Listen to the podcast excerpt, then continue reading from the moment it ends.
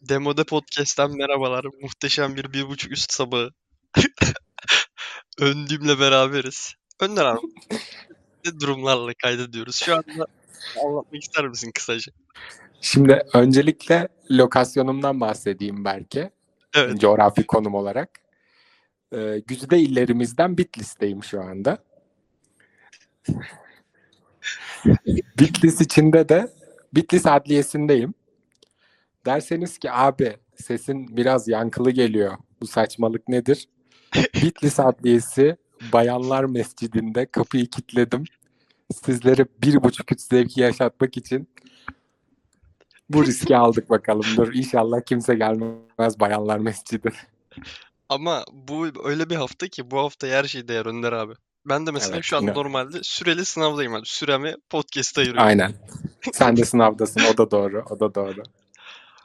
O zaman lafı uzatmadan muhteşem bir Süper Lig haftasıyla açıyorum abi. Lafı hiç uzatma belki. Lafı uzatacak zamanda değiliz çünkü. Fenerbahçe İstanbulspor. Pazar günü Galatasaray'ın e, pazar günü sanırım Galatasaray'ın kendi sahasında puan kaybetmesiyle tüm gözler buraya çevrildi ama Fenerbahçe doing Fenerbahçe things Aynen 3 öyle. defa öne geçtiği maçta yine kazanamadı. Geçtiğimiz iki haftada kazandığı maçlarda sen aslında bir şey söylemiştin. Oraya da bir deneyelim ufak. Önceki bölümde. Sen de yine ona da biz değinmeyelim belki efendi. Abi dedin sen çekirge iki defa sıçradı. Üçüncü defa sıçrayacak mı dedin. Çekirge bu sefer tam o şekilde zıplamasa bile iki zıpladığı şekilde ona zıplandı. Evet. Öyle yani buyur ilk sen gir. Yani öncelikle e, Güzide en az 115-120 senelik bir camia için zıplandı kelimesini kullandığım için seni kınıyorum. Bu bir.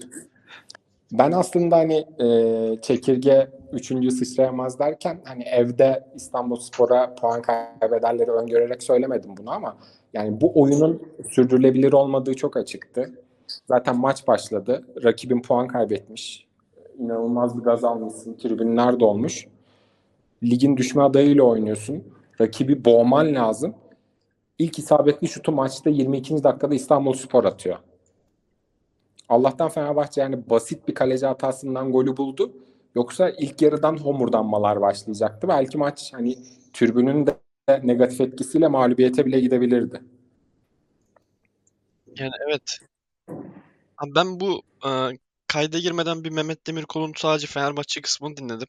Orada bir şey söyledi çok dikkatimi çekti o. Yani çok öyle ultra bir şey söylemedi ama yani harbiden öyle doğru buldum yani. Katil üçgüdüsü olması lazım bir şampiyon takımda da. Yani Fenerbahçe'de bu Aynen. sene başında biraz vardı hatta o yüzden şey diyorduk işte Fenerbahçe bu sene diğer senekilere göre biraz farklı diye. Ama o sezon ortasında Dünya Kupası arasına girmeden bir Giresun maçı oynandı. Ee, orada bir puan kaybı. Oradan sonra takım komple dağıldı. Yani o zamandan beri Fenerbahçe parça parça. Yani bir takıma karşı çok iyi oynuyor. Bir takıma karşı hiç yok. Şimdi işte 3 haftadır hiçbir oyun yok. Bir de şu var belki yani Fenerbahçe sezona başladığında hani ligin ilk 10 haftasında e, ligin şampiyonluk adayıydı. Hani bir numaralı şampiyonluk adayıydı oynadığı oyunla da. Çünkü e, rahatlıkla gol bulabiliyordu. E, bugün aslında skorlara baktığın zaman Fenerbahçe yine rahatlıkla gol bulabiliyor gibi görünüyor ama aslında biraz işin içine girdiğinde işler öyle değil. Fenerbahçe hücumda sadece Emre Mor ve Arda Güler'in ayağına bakan Ener Valencia'nın da bir dengesizlikten bir şey çıkarmasını bekleyen takım. Yani hücumda şöyle bir planımız var, şöyle bir setimiz var. Biz şöyle yerleşiriz, bekleri şöyle getiririz. Ben kesinlikle Fenerbahçe izlerken öyle bir şey göremiyorum. Emre Mor gitsin dersin. Arda Güler ekstra bir şey çıkarsın, bir şut çıkarsın, bir pas çıkarsın. Ve Valencia'da işte sallansın. Gerekirse düşsün ceza sahası içinde.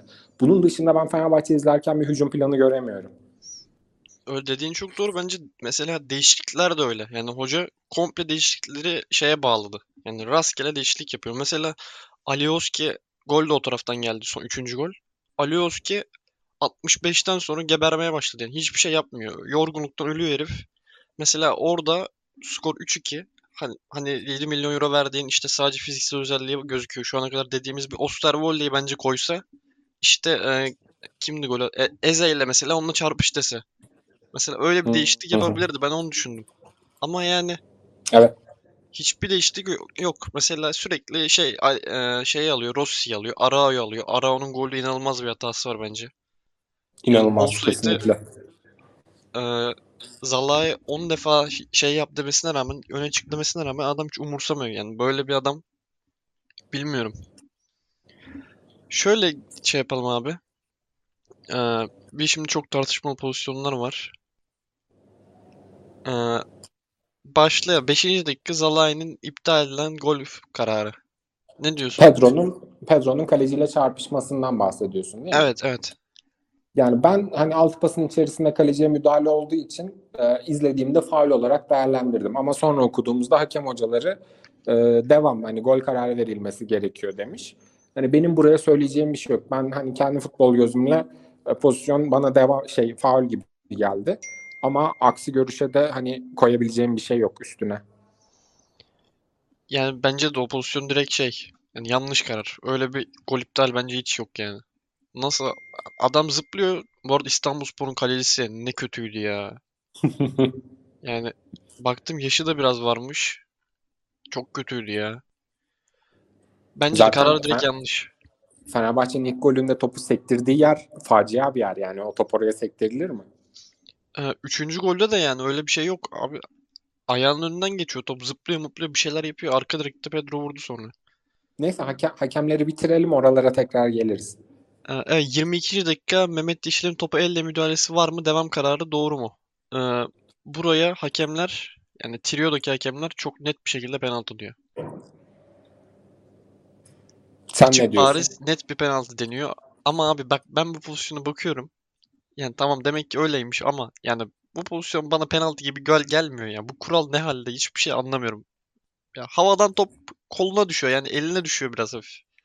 Ya eline de düşmüyor gibi. Sanki, sanki formasına düşüyor gibi. Ne bileyim yanlış mı görüyorum? Bana penaltı değil gibi geldi bu pozisyon. Be- benim bu Ama poz- ben. Ona pozisyonu diyeceğim bir şey yok. yorumlarsam boşuna konuşmuş olurum belki. Ben yorumlamayayım bu pozisyonu. Sen de peki benim fikrime biraz yakınsın?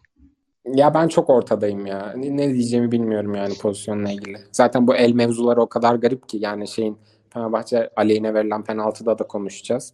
Hani burada standart ne, neye göre el veriliyor, neye göre, neye göre verilmiyor. Ee, dakika 52 İstanbulspor lehine verilen penaltı kararı doğru mu? Abi Buraya ben da çok net buyur. bir şekilde el demiyorlar. Yani çok e, çok net bir şekilde penaltı yok veya penaltı var denmiyor ama daha çok hakemler bakıyorum. E, Seçim Demirel demiş ki hakemin kararını doğru buluyorum. Deniz Çoban demiş ki doğru karar. E, Bülent Yıldırım penaltı yok demiş. Bence de bu pozisyonda penaltı yok.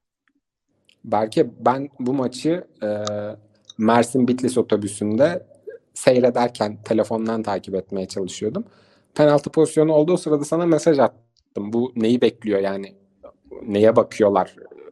Çünkü ben hani biraz futbol izlediysem bu yaşıma kadar özellikle son değişen kurallardan sonra bunun kesinlikle penaltı olmadığını düşünüyorum. Çünkü yani Ferdi'nin pozisyonu, vücut pozisyonu normal bir şekilde top ayağına çarpıyor.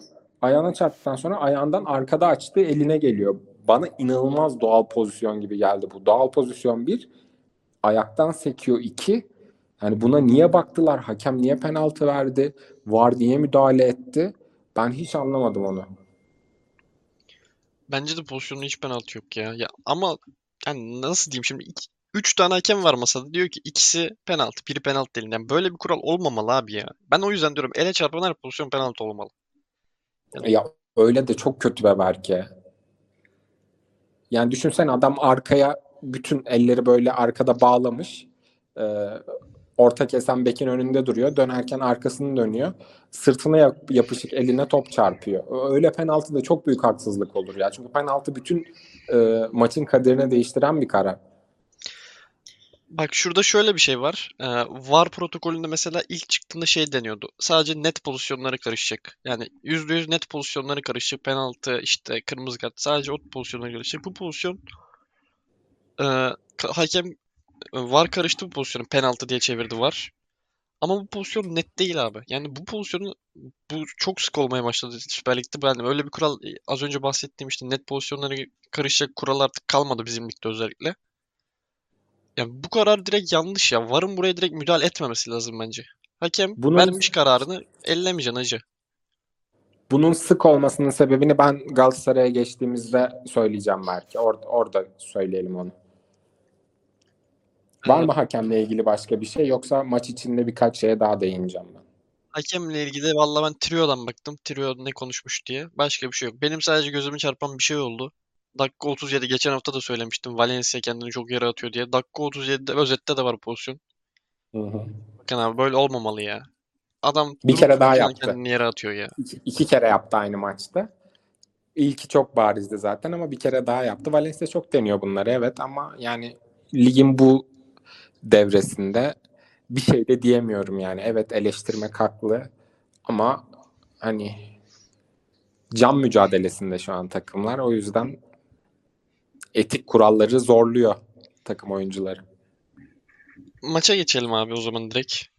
Ya biraz Şimdi- şeyden bahsedelim belki. Ben, evet. Ha, se- senin bir akışın varsa devam et. Yok yok sen söyle. Ben direkt Arda Güler'den bahsetmek istiyordum. Hani haftalık Arda Güler övgümüzü yapalım, boş geçmeyelim şeklinde düşündüm. Akıl almaz bir gol, inanılmaz bir gol. İkinci golünden bahsediyorum. Hani üzerinde mavi beyaz çubuklu bir forma olsa uzaktan baksan Messi de bu hafta yine kendi gollerinden birini atmış dersin. Tam bir Messi golü yani. Çekişi, alışı, uzak köşeye bırakışı. İnanılmaz bir goldü. Hayran kaldım golü izlerken. Genelinde de Arda Güler yine Fenerbahçe'nin ayağına baktığı oyuncuydu. Yani Arda'sız bu takım hücumda ne, ne üretir hiç düşünemiyorum bile. Özellikle dünkü maç özelinde konuşuyorum. Çünkü Fenerbahçe geçmişte daha üretkendi. Sonradan biraz kısırlaşmaya başladı. Artık bilmiyorum Arda Güler'in yaratıcılığı Fenerbahçe'nin hücumcularını biraz tembelleştirdi mi? Orasını bilmiyorum ama Arda Güler şu anda Fenerbahçe hücumunun işlemesinin tek sebebi. Evet abi geleneksel Arda Güler övgüsü, geleneksel Samet Akaydın yergisini yapmayalım.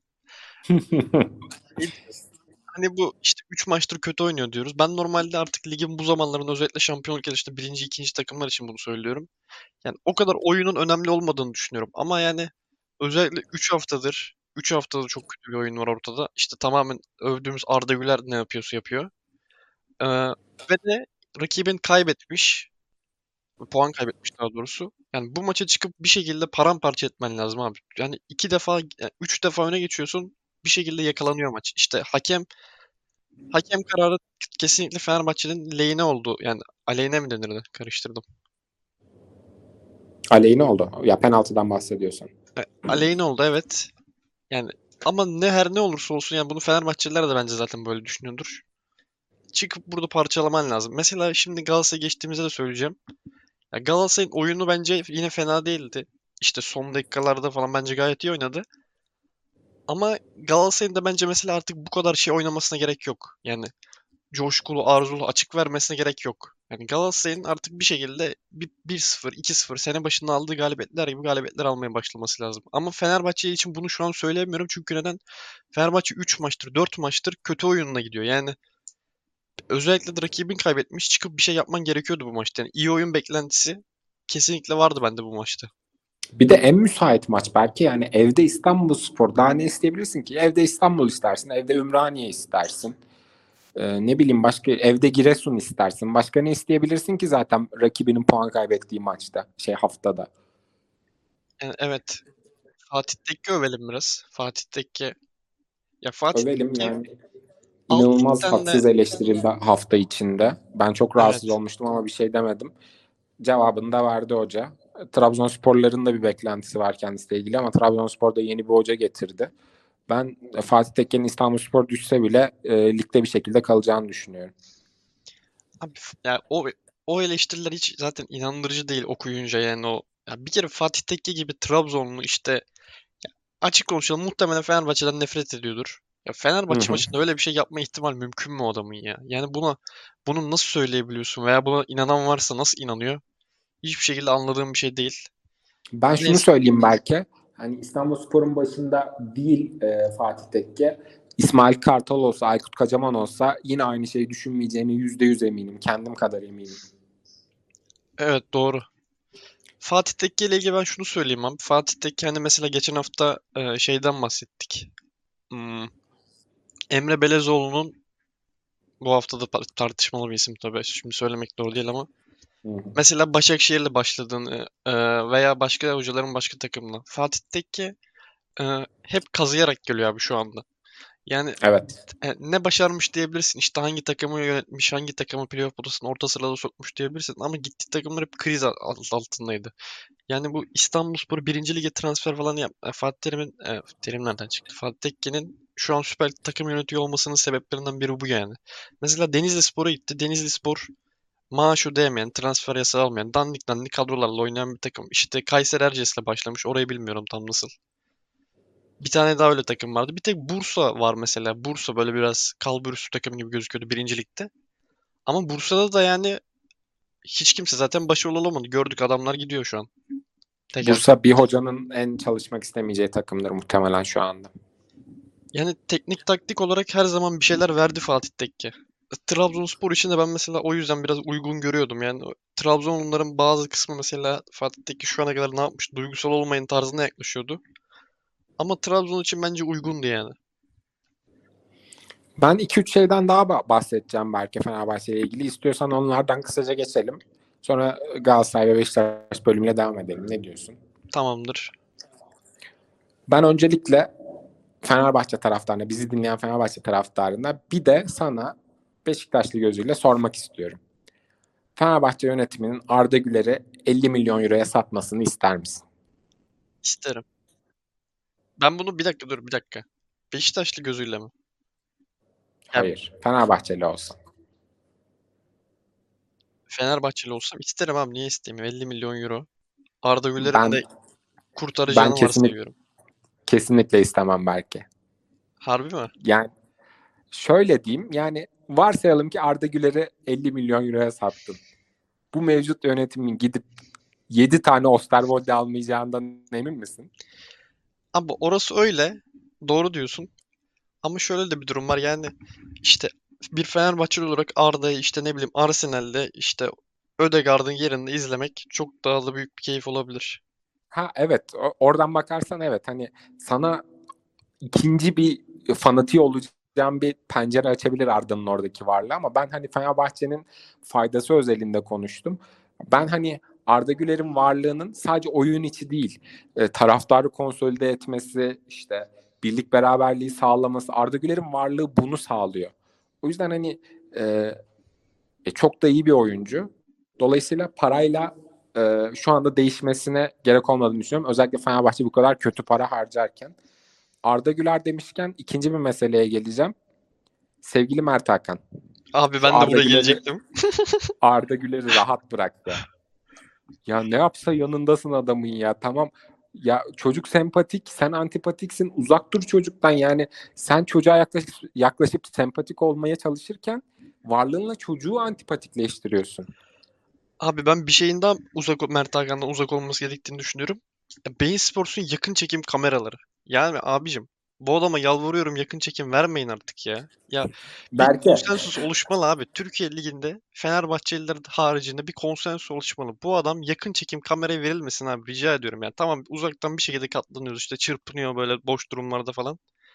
Abi bu adam Belki. yakın çekim yalvarıyorum vermeyin ekrana ya. yakın yakını uzağa bırak şimdi. Sana çok önemli bir şey söyleyeceğim.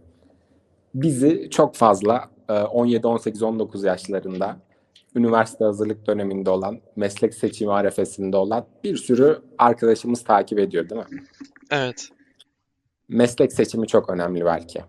Şimdi baktığın zaman Rambo Okan 20 liraya selfie çektiriyor Bağdat Caddesi'nde. Evet. Sen de mesela Bitlis'te kadın mescidinde Hayır oraya oraya gelmeyeceğim. Oraya gelmeyeceğim. Orayı karıştırma. Rambo Okan 20 liraya Bağdat Caddesi'nde selfie çektiriyor. Mert Hakan birebir aynı mesleği yaparak 15 milyon lira kazanıyor senede. Yani Rambo Okan'ın mesleğiyle Mert Hakan'ın mesleği arasında bir fark var mı? Rambo Okan'ı sahaya koysan o da aynı saçmalıkları yapar. Sağa sola koşar. Anlamsız yere yere atlayıp sonra kalkıp faul yapar. Üzerine bir de tribünleri coşturmaya çalışır. Öyle bir şey izletir. Yani en azından komik, eğlenceli, sempatik bir şey izleriz sahada. Hani e, futbol seyircisine daha fazla faydası olur. Evet abi. Mesela bununla ilgili Doğaç abinin mesela bir tweet var. Doğaç abinin. Hı. Mert Hakan kendini zorla Fenerbahçe efsanesi yaptırmaya çalışıyor ya. Yani böyle bir şey olmamalı abi. Adam taraftarı bilmiyorum bunun hoşuna gidiyor mu? Ben bunu Fenerbahçe taraftarının bununla ilgili nabzını bilmiyorum. Yani taraftarın hoşuna gidiyor mu bu adam bilmiyorum ama adam kendini zorla, ısrarla hiç kimseye sormadan Fenerbahçe efsanesi yapmaya çalışıyor ve dünyanın en antipatik yani Süper Lig'deki en antipatik oyuncu olabilir şu an ya. Ben katlanamıyorum Bence abi. Yakın çekim Mert Hakan'a katlanamıyorum. Bence de, bence de öyledir. Belki artık bence Fenerbahçe'den uzaklaşalım. Nasıl uzaklaşalım biliyor musun? Joao Pedro'nun golünde Valencia'nın çalımıyla İstanbul Spor stoperinin uzaklaştığı gibi uzaklaşalım. o lavuk nereye gitti ya? Taç out çizgisine doğru. Ve çok da böyle hafif dokundu Valencia topa ya. ha dur şeyde konuşmadan geçmeyelim ama. Emeka Eze yani tamam Aa doğru. maçı iyi çevirdi ama abicim herif bir tane gol yedirdi ya. Yani Fenerbahçe 3. golünü herif bildiğin hediye etti ya. Sağda bomboş Evet. herif. Dan diye vurdu tavana. Direkt dönen top out'tan gol oldu. Yani bu arada çok kötü bir futbolcu normalde. Şu ilk defa izleyenler beğenmiş vesaire olabilir ama yani çok kötü bir adam normalde. Sırf fiziğiyle işte bir şeyler yapmaya çabalayan bir oyuncu şu an. Berkecim öğle ezanı yaklaşmadan bence Galatasaray'a geçelim. Tamam abi Galatasaray. İşte Galatasaray 1-0 öne geçiyor Karagümrük karşısında. Karagümrük bu senenin bence neyse oraya sonra söylerim. Ee, 1-0 öne geçiyor. Ardından 1-1, 2-1, 3-1 bireysel hatalar öne çıkıyor. İşte farklı şeyler oluyor. Ardından çok güzel bir dakikada yani en istenilecek dakikada uzatma ilk yarı devrenin uzatma dakikalarında 3-2'yi yakalıyor. Sonrasında oynuyor ama olmuyor bir şekilde. Ne diyorsun? Yani şöyle diyeyim Galatasaray için de çok yıkıcı hiç beklenmedik yerde bir puan kaybı. Ama e, baktığın zaman hem oyun olarak hem de önde olması sebebiyle hem de maçını daha erken bir gün önce oynamış olması sebebiyle Fenerbahçe'den çok daha az yıkıcı bir hafta oldu. Yani hani belki Fenerbahçe puan kaybetse Galatasaray üzerine aynı şekilde puan kaybetse bir gün sonra Galatasarayları daha çok yıpratabilirdi ama Galatasaraylar giden gitti. E, Fenerbahçe maçını kesin kazanır gözüyle bakarken Fenerbahçe'nin puan kaybıyla Galatasaray için hiçbir şey değişmemiş oldu. Üzerine bir de sadece iki takımı oyun olarak değerlendirirsem ben Galatasaray'ı daha çok beğendim. Bence daha iyi bir oyun oynadılar. Ve Bence de. karşılarındaki rakip daha iyi bir rakipti. Bence de daha iyi rakip olduğu zaten kesin de mesela maçın sonlarının 3-2'den sonra işte Icardi her ne kadar sahada olmasa falan da yani Galatasaray maçın sonunu bence çok iyi oynadı. Bence de. Abi ben bunu daha önce söylemiştim. Şu an direkt konudan alakası görüyorum ama hani Okan Buruk işte Mayıs ayında Galatasaray'ı nasıl tedirgin ettin? 6 puan önde olan, 3 puan önde olan Galatasaray'ı nasıl tedirgin ettin? Tarzı yorumlar var demiştim. Ya Galatasaray'da her ne kadar birçok taraftar yok dese de Galatasaray'da bir gereksiz tedirginlik var abi. Yani bilmiyorum. bi- Bana Galatasaray bu sene bir farklı geliyor yani. Bunun sebebini kötü, sene başında kötü oyun, güvensizlik falan mı olabilir diye düşünüyorum. Ama bilmiyorum. Galatasaray mesela e, bu maçtan bir puan aldıktan sonra bu kadar bence tedirgin olmazdı. Benim bildiğim. Ama bir ekstra tedirgin yani. Bunun illaki haftaya Beşiktaş'la oynayacak olması falan vesaire vardır ama yani Galatasaray'da bir ekstra tedirginlik vardı. Ama Fenerbahçe yani siz rahat olun dedi ya resmen.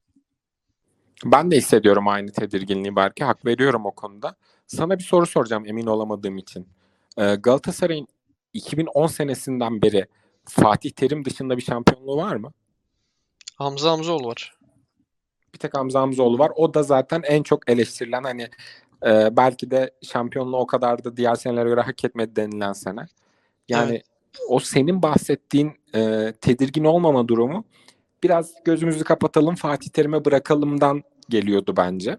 Hani bu çok konuşuluyor işte camia winner'dır, o böyledir, şu böyledir diye.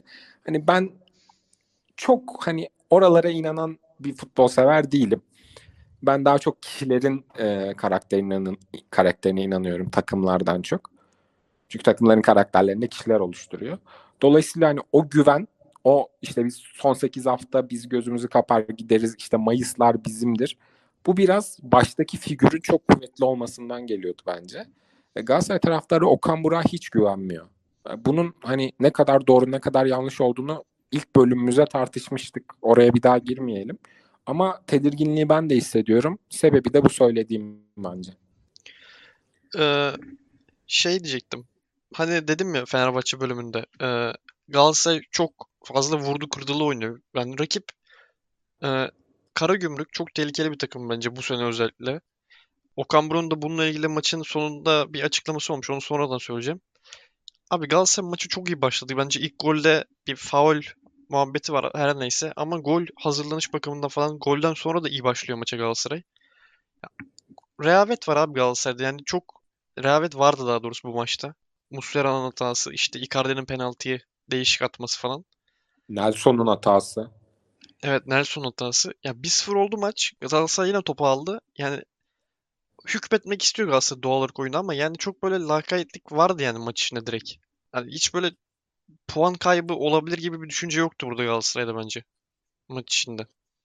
Ben de aynı fikirdeyim. Yani birden 3 gol zaten çok ani geldi. Çok etkisi yarattı şey Galatasaray'a. Zaten penaltı gelmese hani Galatasaray şoktan çıkamayıp maçı mağlubiyetle de bitirebilirdi. İçeriye 3-2 ile girmek çok büyük şans oldu Galatasaray için.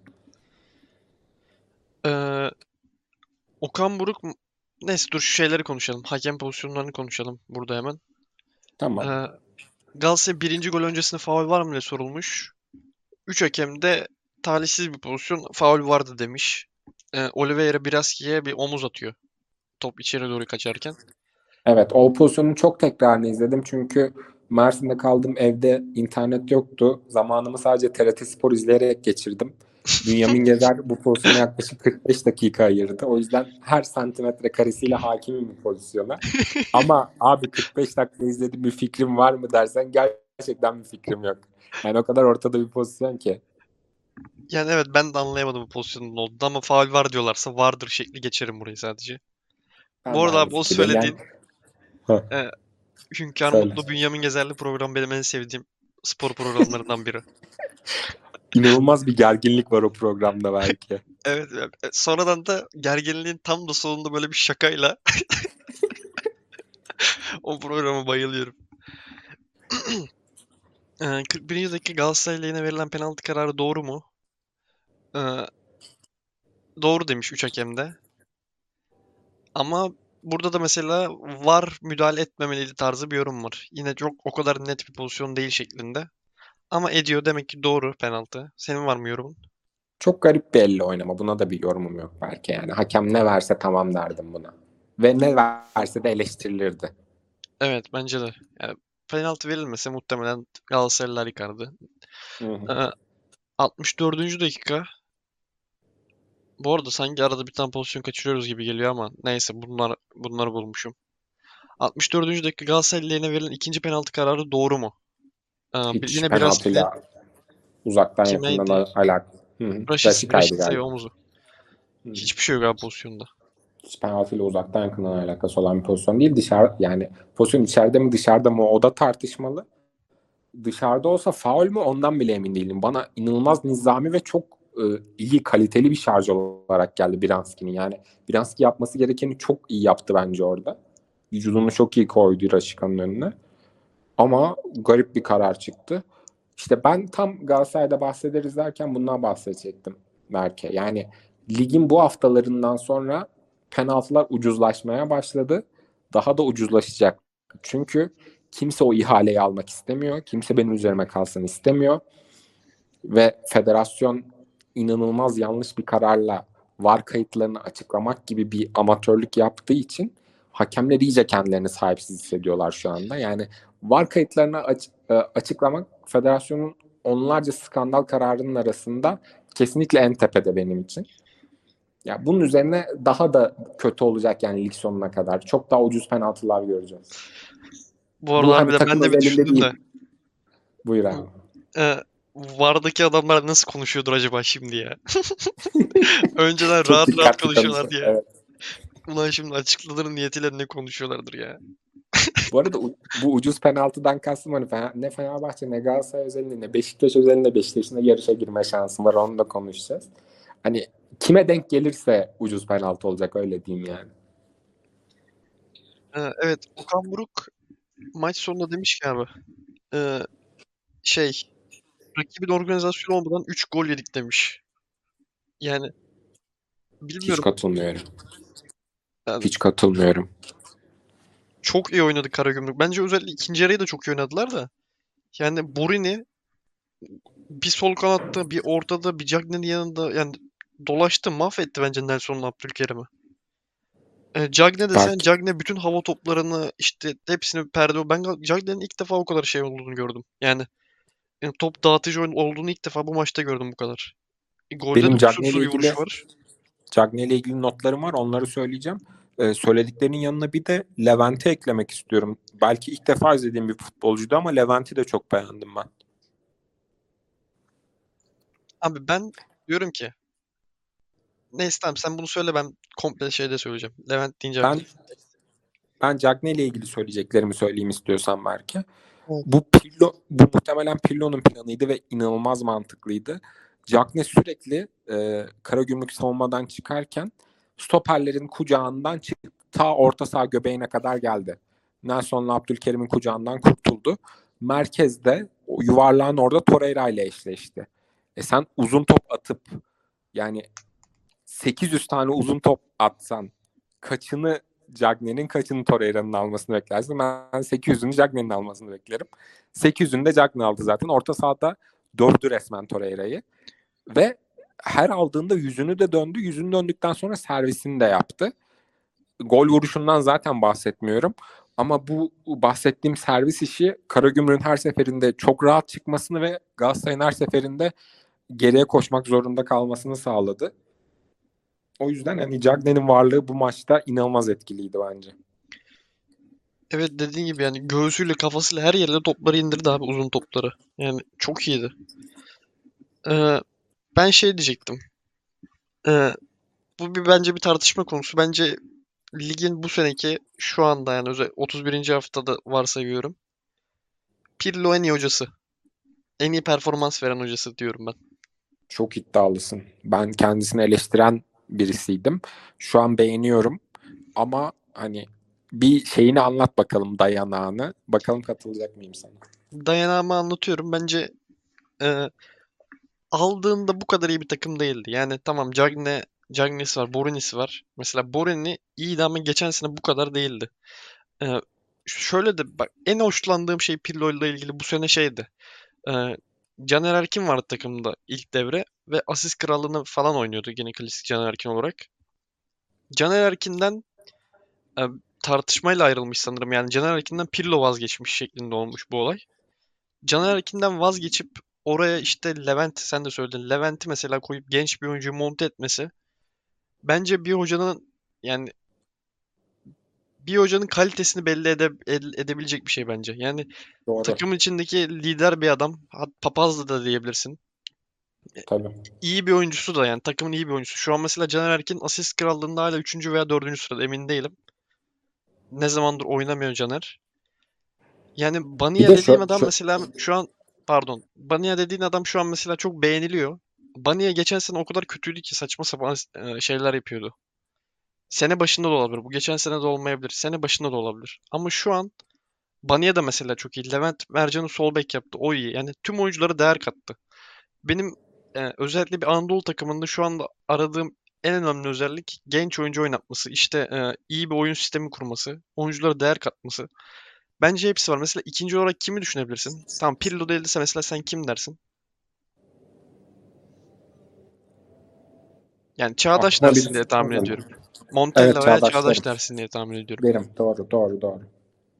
Çağdaş bence performansını o kadar devam ettiremedi. Montella yani Montella diyene de bir şey diyemem ama Montella'nın da elindeki kadrosu bence çok daha iyi. Evet iyi bir kadrosu var. Doğru doğru diyorsun. Zaten Pirlo için de hani sene başında onlarca eleştiri varken bugün hani ben hem Trabzonspor hem Fenerbahçe yazıldığını bir yerde okudum. Hani demek ki bu adam da bir şeyler katmış ortaya. Doğru hak veriyorum yani sana. Ee, şimdilik aklıma bunlar geldi. Galatasaray'la ilgili geçen hafta Boey düşüş var Boey'de demiştik. Bu hafta çok iyiydi. Kerem çok iyiydi. Kerem, Kerem'den kesinlikle bahsetmemiz lazım belki. Yani inanılmaz övgüyü hak ediyor. Lig nasıl sonuçlanırsa sonuçlansın. Kesinlikle bu senenin en değerli 3 oyuncusundan birisi olacak. İnanılmaz hareketli. Yani hücumda sürekli hareket ediyor. Ve bunu topla da yapıyor. Sadece topsuz değil. Hem topla hem topsuz hareketli. Ve Kerem geçen sene inanılmaz kötü bir sezon geçirdi kendisi için. Hani sadece rakamlarına baksan belki o kadar kötü bir sezon demezsin ama bir önceki sezonunda ağızda bıraktığı tattan sonra geçen seneki performansı hani tribünden homurdanmalara hatta yuhlanmalara kadar gitmişti. E, Kerem de hani bir Anadolu çocuğu mental olarak çok çabuk kırılabilen bir çocuk. Onu görüyorduk yani duyuyorduk da. Hani oradan dönüp bu sene Galatasaray'ı sırtlaması ve bu kadar iyi oynaması gerçekten çok büyük bir iş. Ben sadece tebrik ediyorum Kerem'i. Ee, Bir Icardi'nin penaltısını da konuşalım abi. Ne diyorsun penaltı pozisyonunda? Ben mesela orada e, çoğunun aksine zıt görüşteyim. Nasıl Yani yani? Çoğunluk işte bunu yapmamalı, böyle olmamalı, işte bir yer bir tarafları kalkmış şeklinde yorumluyor ama ben nedense öyle yorumlamıyorum abi. Ben, ben de katılmıyorum. Ben de katılmıyorum. Bu adam bunu yapabilir, yapmışlığı var. Hatta böyle e, Inter'de bu şekilde attığı penaltılardan klipler var. Ya Bu adam bunu yapabiliyor abi. Bu, yani bu ad, bilmiyorum özgüveni zirvede bunu denemesinde bence bir sakınca yok ki yani denemenin de üstünde bence bu adam için bu yetenek. Olmadı yani normal bir penaltı kaçırmış gibi düşünüyorum ben bu adamı şu anda. Ya bir de belki şöyle bir şey var. Hani Panenka penaltı atmak işte atıyorum e, Trivela'yla, Rabona'yla veya geleyim ben ters ayağımla penaltı atayım, topuğumla vurmayı deneyeyim gibi bir şey lakaytlık değil. Yani Panenka penaltı çok kullanılan ve çok da etkili bir şey. Adam denedi ve olmadı, tutmadı, kötü kullandı. Hani bu şey gibi e, sol sol köşeyi tercih edersin, sola vurursun, biraz kötü vurursun, kaleci de köşeyi bilmiş olur, penaltıyı kaçırırsın. Ben arasında çok büyük bir fark görmüyorum. Evet ama işte penaltı dediğimiz gibi onun dışında maçta çok kötüydü. Evet, etkisizdi. Gomis mevzusu var. Galatasaray'da Gomis bir affedildi haberi çıktı dün sabah. Sonra akşama doğru Galatasaray'da Gomis devri bitti haberi çıktı. Daha ne olacağı tam belli değil ama yedek kaldığı için oynamak istemiyormuş. Ben de öyle düşündüm orada. Direkt baktım ilk 11'de yok Gomis. Bir hemen baktım işte sakatlığı var falan tarzı haberler okudum. Dedim yani Gomis belli ki tavırlı bir şekilde oynamıyor. Kadroya almayın beni demiş diye tahmin ettim. Mağlubiyetten puan kaybından sonra da ortaya çıktı. Böyle oldu. Şimdi ben burada e, bir durum soracağım. Ona göre haklı haksızı belirleyeceğim kendime göre. Şimdi Gomis'in bu haftaya kadar Icardi bir formdayken oynamaması çok normal. Zaten Icardi formsuzken henüz sezona başlamamışken Gomis oynadı ve Galatasaray'ı taşıdı. Orada bir sıkıntı yok. Ama Icardi bu kadar formdayken Gomis'in oynamaması, sonradan oyuna girmesi çok normal. Eğer e, bu maçla ilgili, Karagümrük maçıyla ilgili 11'ler yazılmış, e, ilk 11'de Zaniolo'yu görüp kendisini görmediği için sıkıntı çıkardıysa ben Gomis'e hak veririm. Ya abi verebilirsin ama buradan bu adamı haklı diye çıkartamayız. Çünkü ya şu mantıkla da demiyorum bunu. İşte bu adam buradan para alıyor. Para aldığı yerde bunu yapamaz şeklinde mantıklı söylemiyorum bunu. Yani Gomis bence karaktersel olarak biraz arızalı bir adam. Çünkü ilk döneminde de şey vardı mesela. Kasığına para sıkıştı oynamıyor. Ee, ayrılırken de bazı sıkıntılı durumlar olmuştu. Ya bence biraz arızalı bir adam olduğu kesin. Belki yani böyle forvetler arızalı olur. Senin Abu Bakar'ın da bunun aynısı zaten. Yani abi bilmiyorum. Özellikle bu dönemde bence bunu yapmaması lazımdı. Abi bir de yani ne diyeyim bilmiyorum. Ya tamam sene başında çok iyi işler yaptı ama ondan sonraki döneminde çok iyi değildi Gomis yani. E, kupa zaten maçlarında hani- oynadı. Kupa maçlarında o kadar iyi değildi. İşte o yüzden soruyu sordum. Hani Gomis'in tavrı ya hocam ben çok iyiyim benim oynamam lazımsa o tavrı yanlış. Ama hocam Icardi yok. Evde bir tane e, nispeten kolay maça çıkıyoruz. Barış Alper Niye yok. sen Barış Alper yok. Niye sen Zaniolo'yu forvet yapıyorsun ben dururken? O kadar mı güvenmiyorsun? Ben seni belki de şampiyonluk yarışına sokan adamım tavrına hak veriyorum Gomis'in. Ama yani çok kötü bir şey yaptı kendi için bence. Yani bu sene şampiyonlukla muhtemelen sonuçlanacak. Büyük ihtimalle öyle gözüküyor. Ama yani bu sene özellikle de bu kadar etki etmişken sene başında özellikle kapanışın bu şekilde kendi adına yapması bence kötü oldu. Yani iyi anılacağını zannetmiyorum artık Gomis'in o kadar fazla. Biraz forvet demişken istiyorsan Zaniolo'dan bahsedelim belki. İnanılmaz Oo, bir evet. istatistik konuşuldu. Yani gerçekten akıl almaz bir istatistik. Ben ilk gördüğümde inanmadım. Mustafa'da gördüm ilk. E, Sofascore'dan ekran görüntüsü almıştı. Girdim Sofascore'a kendim baktım. İnanılmaz bir istatistik yani. Sıfır isabetli pas, 3 pas girişimi. Abi Zaniolo'da arıza var ya. Yani en iyi oynadığı maçta bile geldiğinden beri en iyi oynadığı maçta bile iyi değil Zaniolo. Ve Zaniolo'da ben şöyle bir şey görüyorum. Yani şu anda tek iyi özelliği topa iyi vuruyormuş gibi geliyor bana. Aynen öyle. Onu yazmışım belki. Zaniolo'da da solla zımbalamak dışında bir şey yok yazmışım. Değil mi?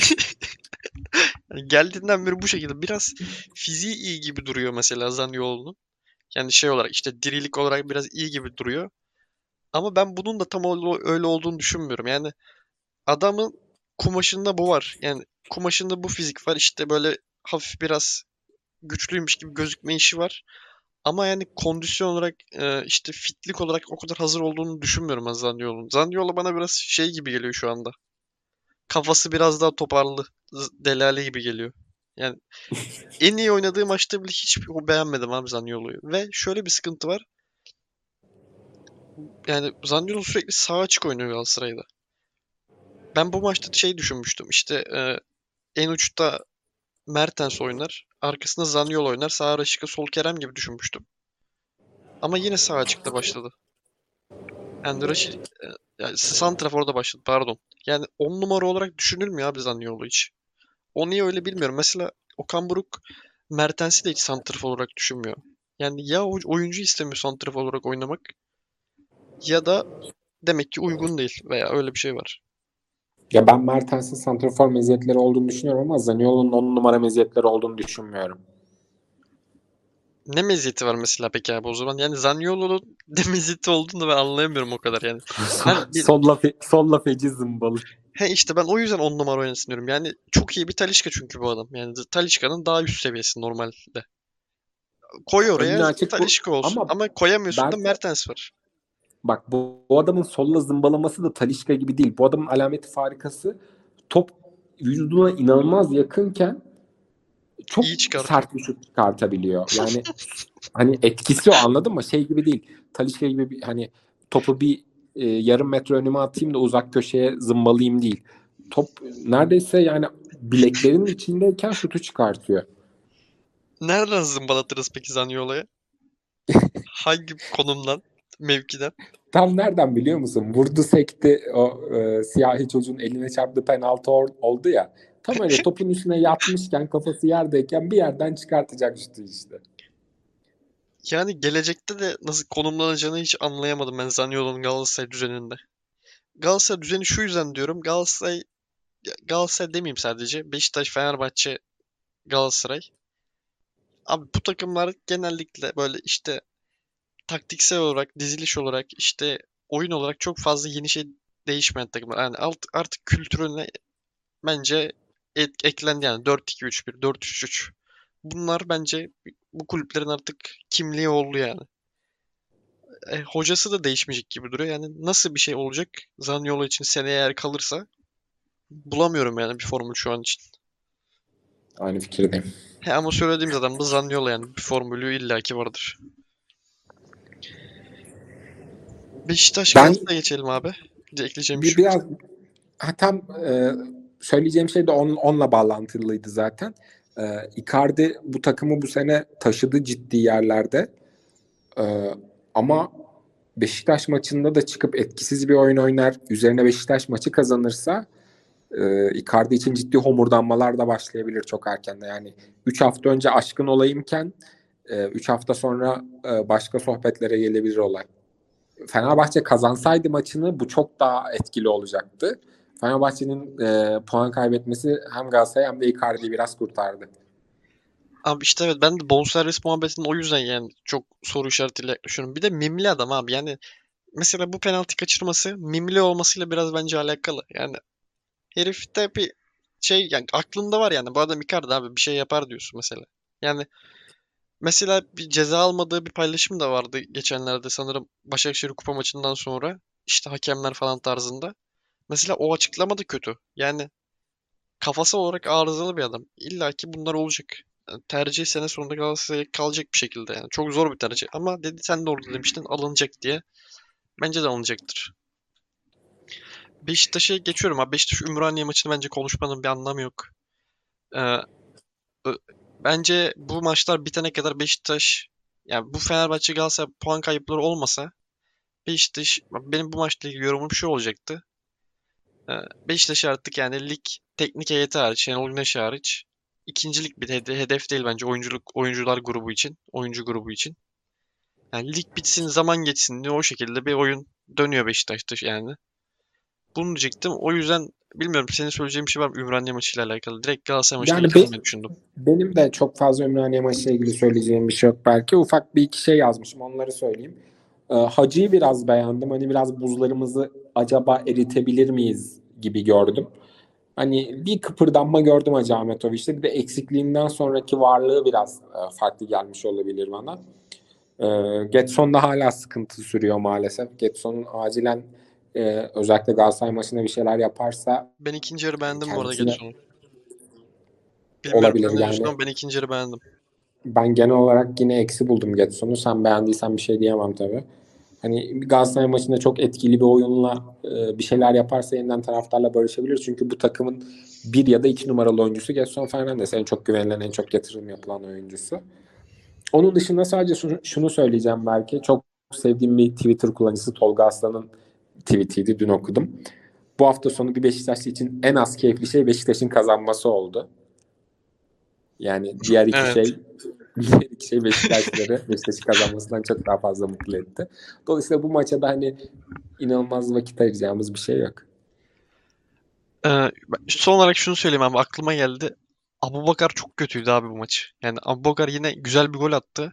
İşte Abubakar'ın ilk dönemi şöyleydi Beşiktaş'ta. Yani daha böyle kanat fırlama işte çalımcı, driblingçi üstüne gider hızlı. İkinci dönemi daha çok oyun aklı, e, oyun top dağıtımı, takım arkadaşlarını toparlama. Sanırım üçüncü dönemi de Abubakar'ın Beşiktaş'ta hiçbir şey yapmadan gol atma şeklinde olacak. Yani adam Ben- çok değişik bir adam ya. Bayılıyorum. Ben senin kadar sert değilim. Ben Abubakar'ı nispeten beğendim bu maç. Geçmiş maçlara göre. iki maçta sallanıyordu gerçekten. Ya yüzünü dönünce inanılmaz bir tehdit. Yüzünü dönünce her şeyi yapabilir. Pas meziyeti de var Abubakar'ın kendisinden beklenmeyecek seviyede. E, driplingi zaten var onu biliyoruz. E, Yani şutundan zaten bahsetmiyorum hani e, gol golü çevirme oranından. Dolayısıyla yani Abubakar'ın yüzünü döndürdüğünde inanılmaz potansiyel bir tehdit öldürücü yani. Dolayısıyla yüzünü döndürmeyeceksin Abubakar'a. Sevgili Galatasaray savunmasına da bir tavsiyedir. Haydi.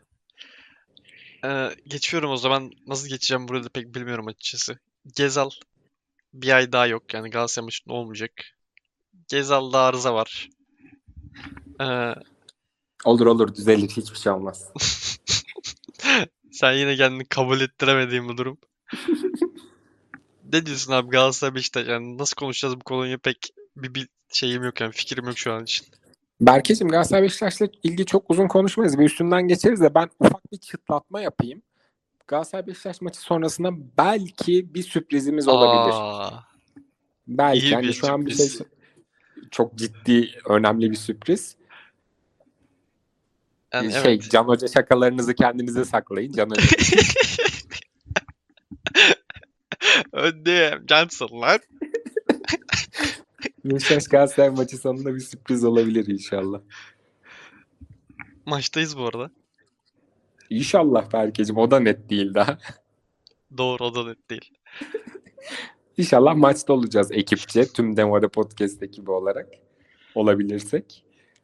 Ee, ne diyorsun maçla ilgili? En azından bir tahminde bulunalım. Ben Beşiktaş'ın yeneceğini düşünüyorum ama yani işte şundan dolayı değil yani işte Beşiktaş böyle iyi oynuyor, şöyle iyi oynuyor, hoca bunu yapar, şunu yapar değil. Yani iç sahada hem Şenol Güneş normalde iç sahada puan kaybetmiyor. No- şeyinde, normal Süper Lig karnesinde. Bir de Beşiktaş yani iç sahada Galatasaray kaybetmiyor. Yani sırf bu yüzden dolayı ve artık bir de son maç yani taraftarın ilgisi takım da bence buna bir reaksiyon verecektir. Yani bir tane daha maç var iç sahada. Ama o da çok yani yine sanırım uzak bir tarihte. Son maç artık yani. O yüzden de bir saldıracağını düşünüyorum takımın. E, tüm e, bir de şöyle bir durum var. Ya bir şekilde yine şampiyonluğu atabilir kendini Beşiktaş. Ya çok düşük bir ihtimal de olsa. Yani bunu Tabii. ben mesela inan Şenol Güneş bunu çok bastırarak söylüyordur yani. Şenol Hoca'yı tanıyoruz. soyunma odasında, tesislerde her yerde bence bunu artık bastıra bastıra söylüyordur. Yani e, bir rehavet e, hafife alma, işte çok fazla hırs yapmadan çıkacağını asla düşünmüyorum Beşiktaş'ın. Bence de öyle, bence de öyle. Ben de Beşiktaş'ı galibiyete yakın görüyorum saydığın sebeplerden dolayı ama e, Galatasaray'dan da çekinmiyor değilim. Çünkü özellikle e, Kerem Aktürkoğlu ve karşısında bizde sağ bek herhangi biri oynayacaksa yani kim oynayacaksa Rozier oynayacak oynasın. Rozier, Rozier de oynasa, Onur da oynasa Kerem orayı çok hırpalayacak gibi hissediyorum. E, tek çekincem o. Onun dışında Icardi bir e, ekstra yapabilir. Ama e, daha çok oyuna bizim ya Beşiktaş'ın hükmedeceğini düşünüyorum. Bakalım nasıl bir maç izleyeceğiz. Bence eğlenceli bir maç olacak. Genelde Beşiktaş Galatasaray maçları diğer derbi maçlara göre bir tık daha sıkıcı geçer. Ama bu maçın daha keyifli olacağını düşünüyorum. Çünkü Beşiktaş Beşiktaş'ın gerileceği bir durum yok. Beşiktaş'ın sadece iştah ve kazanma isteği olacak. Dolayısıyla keyifli bir maç olacağını düşünüyorum. Abi ben de öyle. Galatasaray bu arada ben de söyleyeyim Galatasaray'la ilgili. Icardi'yi ya tehlikeli buluyorum demek biraz şey olacak tabii ama yani Icardi'yi şu yüzden tehlikeli buluyorum bu maçta özellikle. E, Omar Colley ile şu anda Sayıs çok iyi bir ikili olmuş gibi duruyor Fenerbahçe maçından beri. E, Fenerbahçe maçında Sayıs yoktu gerçi. Fenerbahçe maçından sonraki maçlarda. E, çok iyi gözüküyor ama yani ben bu Beşiktaş'ın tahmin ettiğim oyununda işte açık oyununda paslaşarak falan filan e, biraz zorlanacağını düşünüyorum bu ikilinin. İşte Kerem, Rashica, Mertens, Zaniolo tarafında. Çünkü hızlı hücum, yani ani bir topla çok sıkıntı yaşayabilecek bir ikili bu ikili. Yani o yüzden Icardi'nin işte koşulları, e, hareketlenmeleri falan bilmiyorum bana Icardi bu maçta tehlikeli geliyor ekstradan. E, söyleyeceğim başka bir şey var mı abi? Benim söyleyeceğim bir şey yok belki. Bir gözüm saatte acaba ezan okunacak mı diye. Bu arada bu podcast kaydını aldığım yerin fotoğrafını çekip yayınlandığı zaman e, Twitter'daki mentionlara ekleyeceğim. Oradan görebilirsiniz bu podcast'i nerede kaydettik diye. Tamamdır. Bu arada son olarak da şunu söyleyeyim. Geçen hafta Adana Demir Kayserispor maçına dikkat demiştik. Evet. 5-3. Süper bir maç. Yani bunun bu maça şey diyorlar işte kaleciler hata yaptı, işte şöyle oldu, böyle oldu. Ama sahada harbiden ciddi bir taktik muhabbette vardı. Mesela Belanda'nın attığı 3. gol, Adana Demir'in 3. gol, Belanda'nın ilk golü. Ee, hem taktiksel olarak muhteşem bir şekilde çıkıyor Adana Demir defanstan ve oyuncu kalitesi de direkt ön plana çıkıyor. Yani Süper Lig çok iyi bir lig abi ya. Bu Belki hafta bir de o hani duygusallığa biraz- eriştim yani. Ben normalde de böyleyim Süper Lig'e karşı. Süper Ben Lig'de kalitesizlik işte hakemler, e, üç büyük kulüp yöneticileri ve artık bazı kaşarlanmış futbolcular. Önceden kaşarlanmış antrenörler de onlardan temizlendik çok şükür.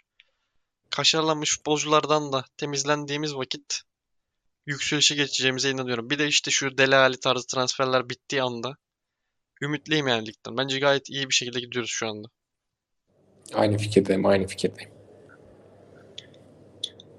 O zaman kapatıyorum abi. Bu arada Patreon üyeleri. Size şey dedik hacı. Ee, programın sonunda bir tavsiye verin nasıl yapalım maçları. Bir kişi bile yazmadı. Adamsınız. Aynen böyle devam. Süpersiniz. Bir kişi yazsa mesela direkt onun yazacağı olacaktı. Neyse abi ağzına sağlık. Senin de ağzına sağlık Belkeciğim. Herkese selamlar, hoşçakalın. Gelecek hafta sürprizimiz olabilir dediğin gibi. İnşallah olur. Hoşçakalın şimdilik. Hoşçakalın. Nasıl kapıyoruz lan bunu?